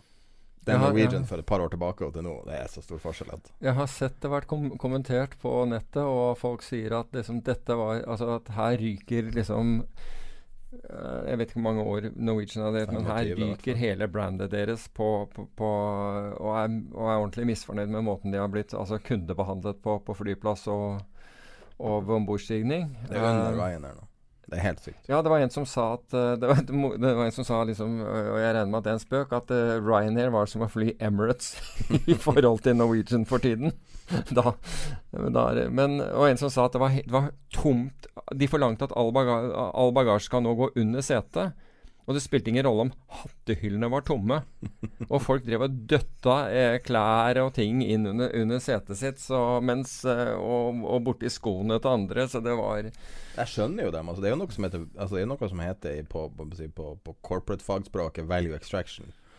Der du La oss si at du driver en avis, ja. og så papiravis, og så faller eh, lesere med 10% så, så hever du prisen med 10 ja. Det er value extraction. Ja. Du prøver ikke å opprettholde merkevaren, du prøver bare å få ut hver krone før det er over. Og nå har du ny ledelse. Du har veldig lite legacy i forhold til Bjørn Kjos mm. tilsynelatende sjekka helt ut. Som sikkert da har vært motstander av mange av de her tingene her. Og nå går de da i den strategien som Wizz Air f.eks. gjør det. Det, det er veldig lavprisselskapet og Ryanair og alle de andre. Um, så det er en interessant utvikling. Kanskje på kort sikt er det bra, men på lang sikt vet jeg ikke. Altså. Ja.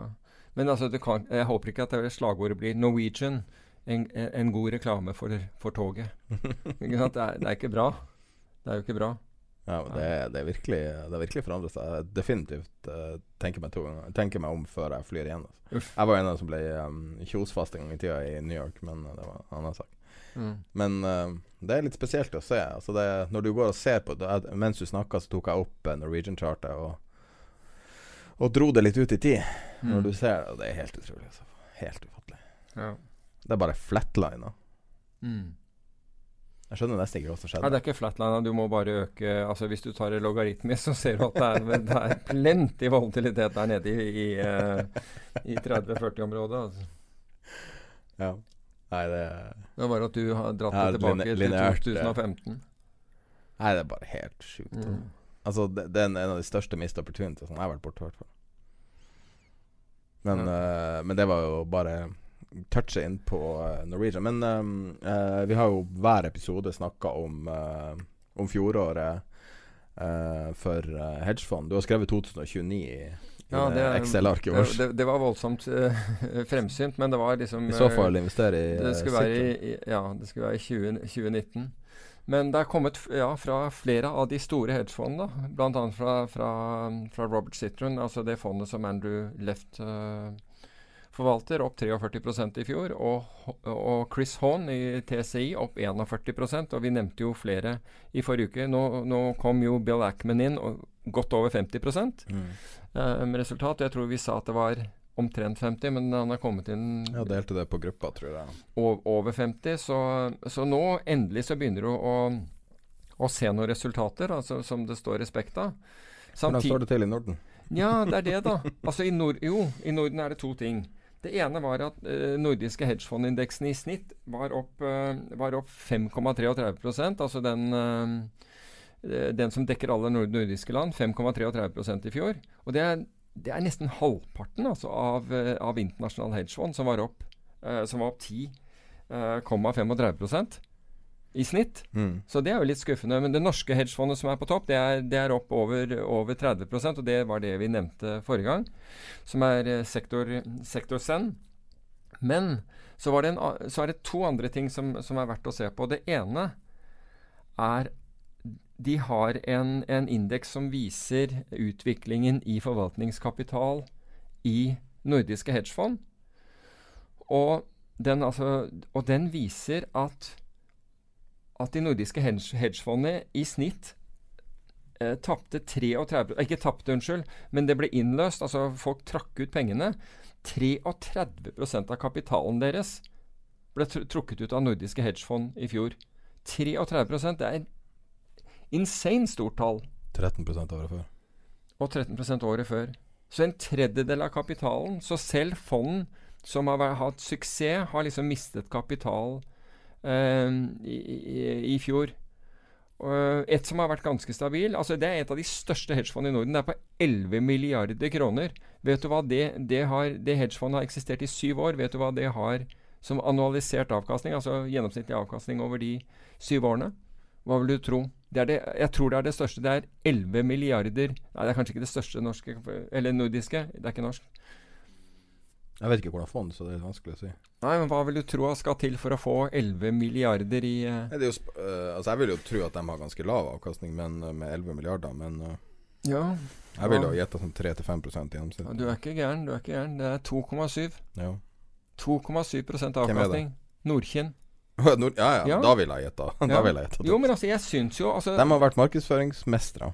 Ja, men altså, jeg vet ikke om de Ja, men altså, jeg tror det at de, de leverer akkurat det som deres investorer vil ha. De har vært veldig flinke til å kommunisere hva de driver med overfor investorene sine, og gir disse investorene akkurat hva de vil ha.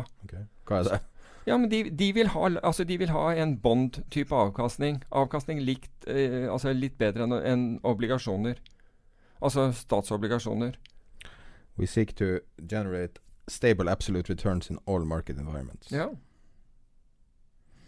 Så man må jo bare ta av seg hatten for det. Så det er utrolig bra. Det er vel Er det én nordmann med i det? Er i hvert fall én, ja. Og nordlendingen? Alexander Melsom. Ja, det var han jeg tenker. Jeg husker ikke. Han Bjørn et eller annet. Ja, det, det, er, fått, ja, det er to. Det er han uh, som eh, var analytiker også. Ja, Eh, like. ja. Men Så- eh, ja, de har jo A, B, C, D, E, G, I-fond, så Hvor mye genererer de av inntekter på 11 milliarder? Men de er 1 uh, forvaltningshonorar, så det er plenty penger der. Blir penger av det. Og så har de- på Det er vel ingen performance uh, Jo, de har også performance fee, Hva er vitsen hvis du har så lav? fordi dette er et svensk fond Tenk på det. Rentene i, Sven i Sverige er neg. Nei, rentene i Sverige er negativ. Så det blir penger av det. Ja, så du sammenligner Ja, den var negativ. Var negativ, riktig. Så den var, var negativ mesteparten av fjoråret. Da er det ganske lett å Men jeg lurer på hva de investerer i, da. Hva er det som eh, Nei, det, er, det er jo stort sett renteinstrumenter, valuta og den type ting de investerer i. Så, man, men 2,7 altså hadde, De aller fleste Jeg får ikke overskrift av det, men, men jeg skjønner definitivt appellen med det i et Men du negativt rentemarked. altså hvis du har 11 eller 12 milliarder svenske som dette dreier seg om Hvis du har 12 milliarder svenske, så trenger du ikke, så trenger du ikke mye eh, omtale, altså. Da er det helt greit å, å være der du er. Men de leverer akkurat det som investorene forventer. ja, de har tjent Ja. penger alt utenom i nei, Fjoråret 2018. var de eh, Unnskyld, forfjor så var de ned 1,35 eller et eller annet sånt. Det, var ikke, det er ikke noe sånt som får, får folk til å miste nattesøvnen. Men det er vel type eh, Family Office, eh, altså en eh, Nei, ja, jeg tror det er store institusjoner. Jeg tror det er ja, på svenske. Family Office, da. Det kan, det kan være ganske stort. ja, ja.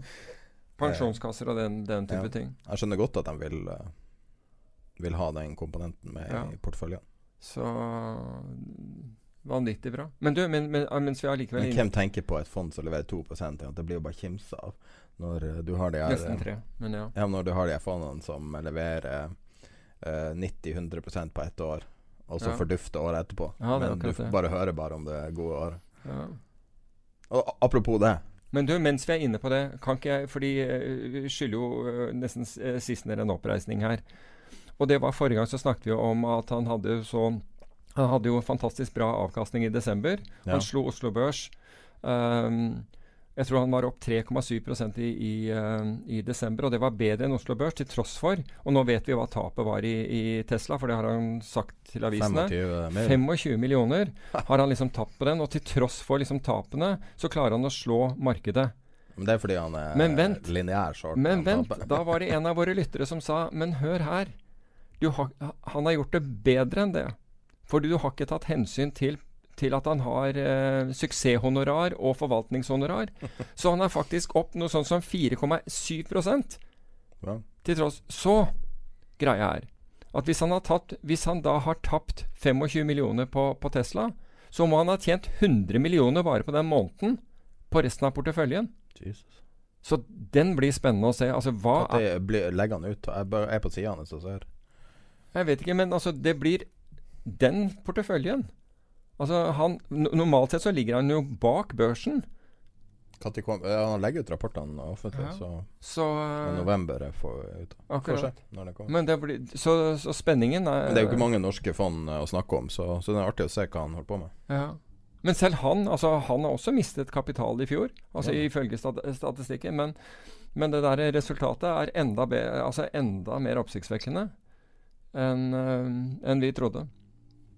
Men som sagt, det blir spennende å se hva, hva, hva det var. Altså hvilken sak han hadde i porteføljen som, som dro så men utsteder ikke han opsjoner? Jo, han gjør mye av det òg. Men, Men kan eh, det være det? Nei, men du- altså hvis du utsteder opsjonen, så kan du ikke ta premien til inntekt. Du har jo en liability ikke sant, i forhold til altså du må jo, Det er jo mark to market på det. Ja.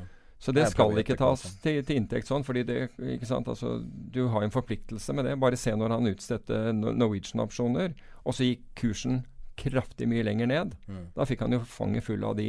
Men da så du det Og på da er det mark to market hver dag? Ja, det er jo det. Ja. Og Er det, det på slutten av dagen, eller er det kontinuerlig? Nei, altså du, du Men du må jo marke det på slutten av måneden når du oppgir tall. Ja. Eh, men, men den måneden var han jo også ned, så det var jo logisk, det. Så Men apropos sånn uh, Altså apropos porteføljer generelt. mm. Um, det er noe vi har snakka om i årevis, de her eh, avisporteføljen. Ja. Altså det, når, når meglerhus eller aviser sjøl lager porteføljer, ja. og velger litt sånn De tenker ikke så mye på uh, slippage og kostnader og Og ja. Ja, altså, Og det er jo den Pareto-porteføljen som har da ja, tjent den, så djevelsk med penger i henhold til Pareto. ja, den var opp over Kan ikke stemme. Ja, den var opp 34,5 og så I fjor. Ja, dette var frem til en eller annen gang i desember. Ja. Og så øh, ble den omtalt, og da var det en I DN, visstnok. Og da var det en DN Link eh, til artikkelen i Ja. DN-leser som hadde et regneark for det, fordi han fulgte denne porteføljen. Og den som sa porteføljen var opp 34,5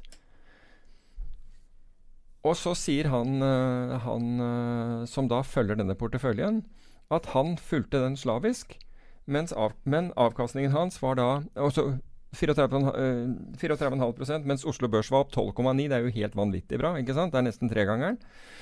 Men så sier han her som da het eh, Jeg tror han het Atle Løge. At han fulgte den slavisk, og avkastningen hans var ikke noe 34,5% den var 13,2 og sendte da DN regnearket. um, og da går det tilbake til Og det er ganske interessant, fordi du, du vil jo tro at hvis, må, hvis, hvis, du er i stand til å skape 34,5% og 20 årlig, og alt mulig sånn, hvorfor i all verden lager du ikke et fond av det? Og svaret er på det at det går ikke an å lage noe fond av det. Og veldig mye skjer jo at du får ikke den kursen som de baserer seg på. Og det er jo det store avviket. Så er det ett et avvik til. Og det er at hvis du, hvis du De begynner jo ikke en sånn modellportefølje med at OK, fra 1.1 har vi 5 millioner kroner eller 10 millioner kroner, et eller annet tall, ikke sant? Og det skal forrentes. Det er jo ikke det de gjør. De kom med en anbefaling i, i januar, og så kjøper de mer, og så kjøper de mer, og så kjøper ikke sant? Altså Det er som du har uendelig med penger. Så Noe alle selvfølgelig har. Ja. Og det var jo det, det, det også Pareto påpekte når de så han, han, jo, han her i fyren hadde jo hatt eh, penger i cash. Han må jo ha penger i cash, vel, så kan han ikke fortsette å kjøpe etter hvert som han får anbefalinger. Og det er derfor Ikke sant? ja, ikke sant? Og det er derfor disse herre Men det er Altså, jeg husker vi, vi, vi forsøkte å, å, å, trekke innsideporteføljen i en avis. Var ikke i nærheten. Altså, når vi så den kom ut, så, så fikk du selvfølgelig dagen etter, etter eh, kursen dagen etter var helt umulig å få de samme tallene. Og Sånn er det for de, de fleste av dette. Og da er det viktig å huske at dette er markedsføring, det er ikke realiteter. Da har du sett en altså, en veldig enkel forklaring på det. Hvis du ser den oversikten uh, fra gammel Eller det er jo gammel informasjon, da, men at hvis du ekskluderer de første fem minuttene av handelsdagen eller, uh, after hours eller et eller annet sånt Hvis du ekskluderer det, så har, har du en helt flat graf. Altså hele utviklinga skjer de første oh, wow. fem minuttene. Uh -huh. Altså det historisk sett, da. Jeg skjønner. Og hvis du papirhandler som de gjør der, så kan du jo bare velge åpningskursen, eller mm. du, kan, du kan nesten velge Altså og så I tillegg så har du ikke slippage, og så har du ikke kostnader. Ja. Som da påvirker masse. Men han her sa at slippage og kostnader kunne ikke det var det at han hadde cash. Men du er jo nødt til å ha cash for å kunne kjøpe. Ja. Og jeg, det var, et, det var, et, annet meglerhus som sendte meg det, og de, de gjorde det som markedsføring. Kunne ikke jeg eh, liksom begynne å handle på dette her, fordi de gjorde det så bra. Og så, jeg, hva, jeg, så, prøvde jeg å regne på det, og jeg fikk jo ikke disse tallene i det hele tatt. Så spurte jeg hva er utgangspunktet, hvor mye, hva er kapitalen ved utgangspunktet? Og nei, sånn hadde de ikke tenkt. Og med en gang du da satte av en sum penger, ikke sant, og så kjøpte du etter hvert som du fikk anbefalinger, så lot jo rett og slett ikke den avkastningen seg Altså, du fikk ikke denne avkastningen.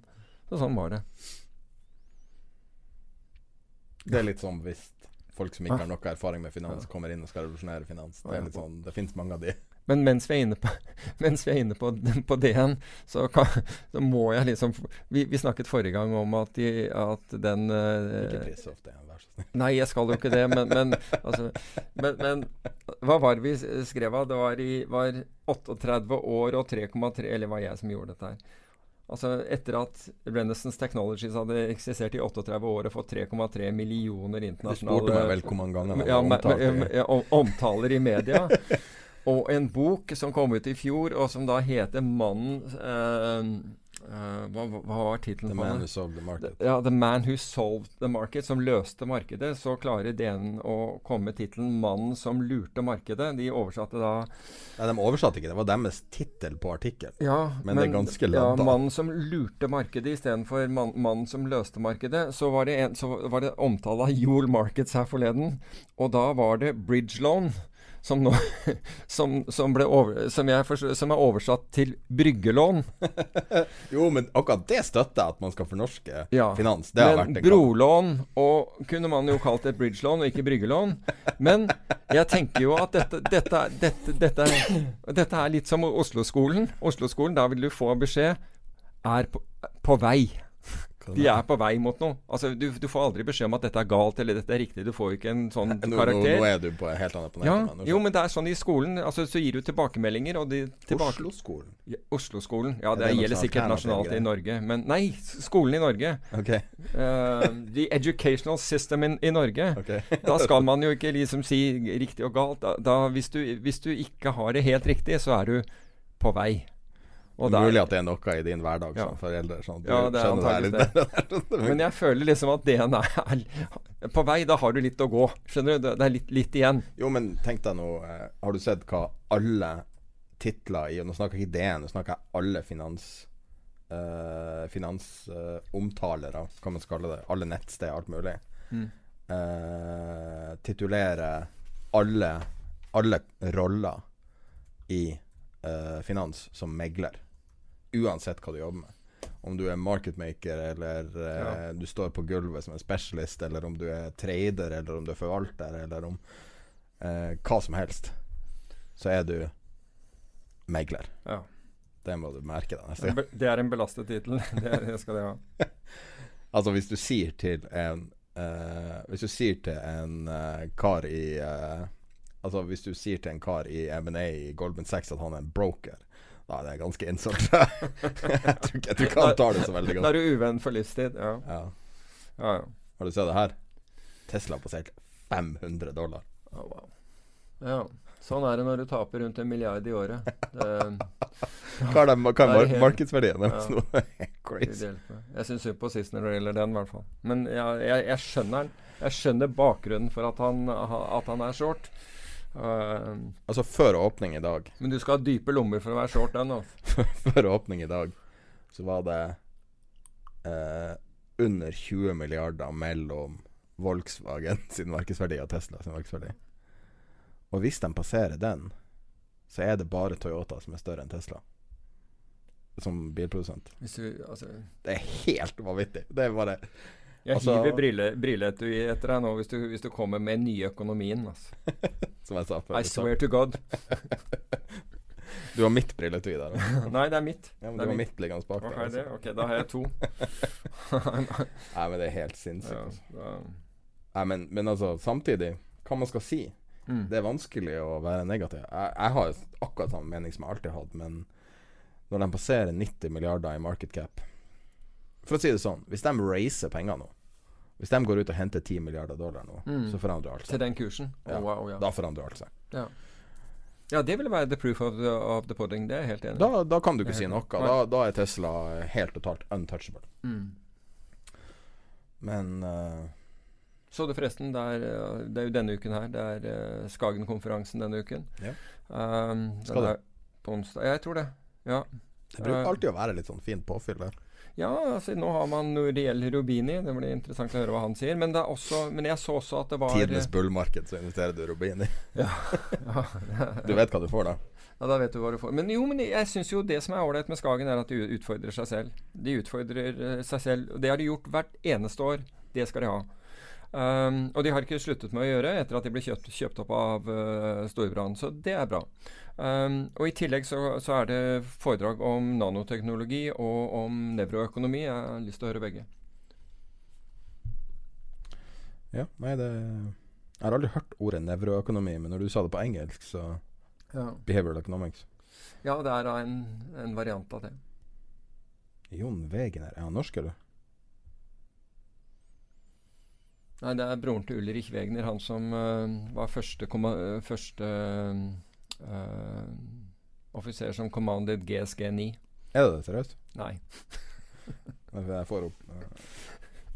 Nei. ok. Det er bare en sånn spøk som kun du syns er artig. Han er dansk. Ja. Nei, men det er interessant. Det koster jo en del å dra dit, da, så jeg regner med at du punger ut. Ja, det, det er jo så Penger er så billig om dagen. Ja, Bare låne litt penger, da. Huset som uh, sikkerhet. Mm. Før, før, før, Ja. Det gjelder å få stilt den som sikkerhet nå, før den eh, flommen kommer. Den kommer for øvrig også onsdag ja, kveld. ja, Peter er litt sånn utsatt, sånn flomrelatert. Så det er mulig det her er siste gangen vi hører fra han. um, forresten, her er Anonymous Hedgehoggen din. Var det den du lurte på? Hva da? Når du sendte meg melding og spurte hva er en Anonymous hedgehog? Ja, jeg så bare Anonymous. Jeg så ikke det der Nei. Jeg så ikke den ser du, jo, Ja, du spurte meg hva det var. Nei, jeg sa hva Det er bare Google som prøver å være søt. Aha. At det er meg. Jeg er ikke innlogga, så jeg er Anonymous Så på Google mener at du er søt, er det det du sier? Nei. Thank God. Men det er når, hvis du logger på, på regnearket samtidig, så er du noe annet. Ok. ok I jakt på en utrolig juicy tittel på denne podkasten, så scrolla jeg tilbake bare for å se hva du hadde Hva som Vi, vi har jo flere ganger snakka om tidenes beste investering og ditt og datt. Uh, det er noe jeg har brukt mange år på å prøve å finne ut hva som er den beste investeringa ever. Det var jo noen som investerte 10 000 dollar i Warren Buffett på, i 68, et ektepar, som satt igjen med 5 milliarder før de døde. Uh, og så Og så var det jo uh, Da døde de ikke i 2008, for å si det på den måten? De døde, jeg tror den ene døde i fem, okay. og så den andre litt senere. Men i hvert fall også var det jo uh, han, han britiske, han der um, når dronning, Ikke dronning Elisabeth, men dronning Victoria Han Drake.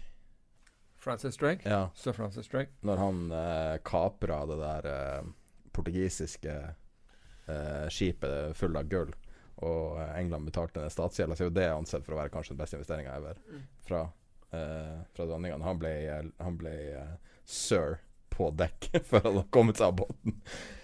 Eh, men prosent så Vi satt bare rett før, for DN har en um, ganske artig uh, måte å, å, vise charts på uh, som egentlig ikke er så bra, men akkurat når du ser på f.eks. bitcoin, så får du veldig sånn klare prosentutregninger. Så bare se hvor mye, er det, hvor mye er det mulig å tjene? Hva er det aller, aller beste tenkelige investeringa? Nå hadde ikke hørt, hørte ikke jeg om bitcoin i 2010, men det var garantert noen som gjorde det. Mm. Og kjøpte det. Eller mina det, da. Og da, før vi starta, så kom vi fram til at øh, hvis du investerte øh, i bitcoin i 2010 så fikk du en bitcoin for ca. fem øre. Og ut, i henhold til DN sin avregning så er det ca. 16 millioner avkastning. Den er grei, den. Så kjøpte bitcoin for én krone. Ja. Så sitter du igjen med 16 millioner i dag, og, og, og, det forutsetter at du ikke solgte på toppen. da er det enda mer. Og, hvis du, og i fjor så steg bitcoin-kursen med 90% Altså slik at Det var jo noe av det mest lønnsomme du kunne gjøre. Og i år så er det vel opp 12-13% allerede. Så fortsatt. Og så tenker jeg at det er jo altså hvis, Det er jo den asseten, hvis du kaller kryptovaluta en asset, og kaller det et eller annet, som færrest Som, som finnes i færrest investeringsporteføljer. Mm. Så du kan si at Det er tankevekkende at det er avskrevet så mange ganger. Ja og at det fortsatt konsekvent leverer. Ja. Ikke 16 millioner prosent, men litt. litt. Nei, ja. Det er den man ikke har. Nei. Men du kan si at hvis nå bitcoin skulle gå kraftig, så vil du se en økning av det. Det er helt klart. Da, da vil du plutselig se at folk hopper på. Men, men eh, det holder ikke med at det, det stiger eh, 10% på noen dager. Det er liksom Nei. Men eh, hvis det liksom gikk gjennom 15 000 eller noe sånt, det er litt over åtte nå, ja. så vil du plutselig se at det blir enormt omtalt, og da skal alle være med, og da finner alle grunner til at man skulle vært med hele veien. Men det er jo sånn det alltid er? Ja, det er sånn det alltid er. Så den uh, forsideindikatoren har jo, uh, med noen unntak, vært stort sett uh, vært stort sett ganske til å stole på. Så ja. når du begynner å se bitcoin på forsida, så kan du begynne å selge. Men jeg har ja, ikke sett det på dessverre. Så vi får håpe at det blir en stund til. Har du sittet lasta opp? Nei, jeg sitter ikke lastet opp. Jeg, jeg, jeg har litt grann der, men, men jeg har Jeg har investering i, i blokkjede. Um, men hva du mener med Du, du har skrevet her at det oppføres som gull? Er det Nei, altså jeg drev og så på det. Det var noen som, som dro, uh, dro, sammenligningen mellom, mellom, det. Nå fikk jeg ikke tid til å se på, på, på korrelasjonen dem imellom, men det var noe som jeg så en sånn graf av det, og de mente at uh, Nå har jo gull utviklet seg ganske kraftig. Da. Jo, jeg vet ikke om det klarte å touche 1600 og komme over 1600 i forbindelse med, med, med det droneangrepet til, uh, til Trump. Uh, gikk, klarte han å få den over 16 der. Men i hvert fall så, så mente man at, uh, at det var flere nå som, som uh, var harde, harde, kjøpere av gull, som uh, begynte å se til bitcoin. Men om det er noe merit i det, det aner jeg ikke. Det var, jeg bare, som sagt, jeg så en grafe, men jeg har ikke gjort noe, noe jobb på det. Ja, nei, det, det, er ikke godt å si hva, altså, hvordan det her vil oppføre seg når ja. strømmen går, liksom. Men uh, nå har vi holdt på en og en halv time her, uh, så jeg tror kanskje vi avrunder her. Uh, vi hadde ingen Red Bull i dag, så ja, vi, vi gir heller ordet Hente til vil fortsatt bli sponsa av Red Bull. Jeg skjønner ja, ikke at vi ennå ikke har blitt kontakta. Nei, det er helt merkelig. Vi får, vi får gi ordet til den alltid energiske Erik Hansen. det skal vi gjøre. Så avslutter vi med Erik Hansen fra IG Markets. Ja, eh, IG startade ju 1974 redan eh, i Storbritannien. Eh, och eh, IG står för Investors Gold. Eh, vi började då erbjuda handel i guld eh, på, på 70-talet. Det var svårt för privatpersoner att få en exponering mot guldet. och sen dess har vi breddat utbudet. I, I Skandinavien då så erbjuder vi en derivatprodukt som heter CFDs. Och då kommer man i kontakt med eh, aktier, index, eh, valutor, eh, råvaror, kryptovalutor också då, som varit populärt den senaste tiden. Så att det är en nischad mäklare mer mot lite kortsiktig handel. Då. Aktörer som är lite mer snabbfotade och vill ta positioner på på marknader som kanske inte finns hos den traditionella mäklaren. Uh, det går också även att blanka, det vill säga shorta uh, majoriteten av aktierna. Så det er nisjede mot mer kortsiktige traders. Et spørsmål litt ut av lufta. Hvis man som trader eh, vil lykkes, hva er det som er viktigst? Jeg tror det absolut viktigste er disciplinen, At man har en tydelig handlingsplan innan man börjar handla Og hele tiden vet hva man skal gjøre om positionen går åt fel håll. Uh, för, för det, det, jag har sett uh, under mina år som jag har hållit på med det här och när jag även handlat själv så vet jag hur, hur svårt det är att, uh, att hålla sina förluster små. det är väldigt enkelt att man hamnar fel i en position och man kanske dubblar den, man kanske flyttar sin stopplås neråt eller uppåt beroende på vilken riktning man har i marknaden. Och att man blandar in sina, sina känslor i sin handel och tar irrationella beslut. Så det är jätteviktigt att, man kommer i kontakt med sig själv, kommer i kontakt med sina känslor. Många brukar säga att man ska koppla bort sina känslor från sin trading. Men det tror jag är helt fel för att alla beslut vi tar är baserade på en känsla.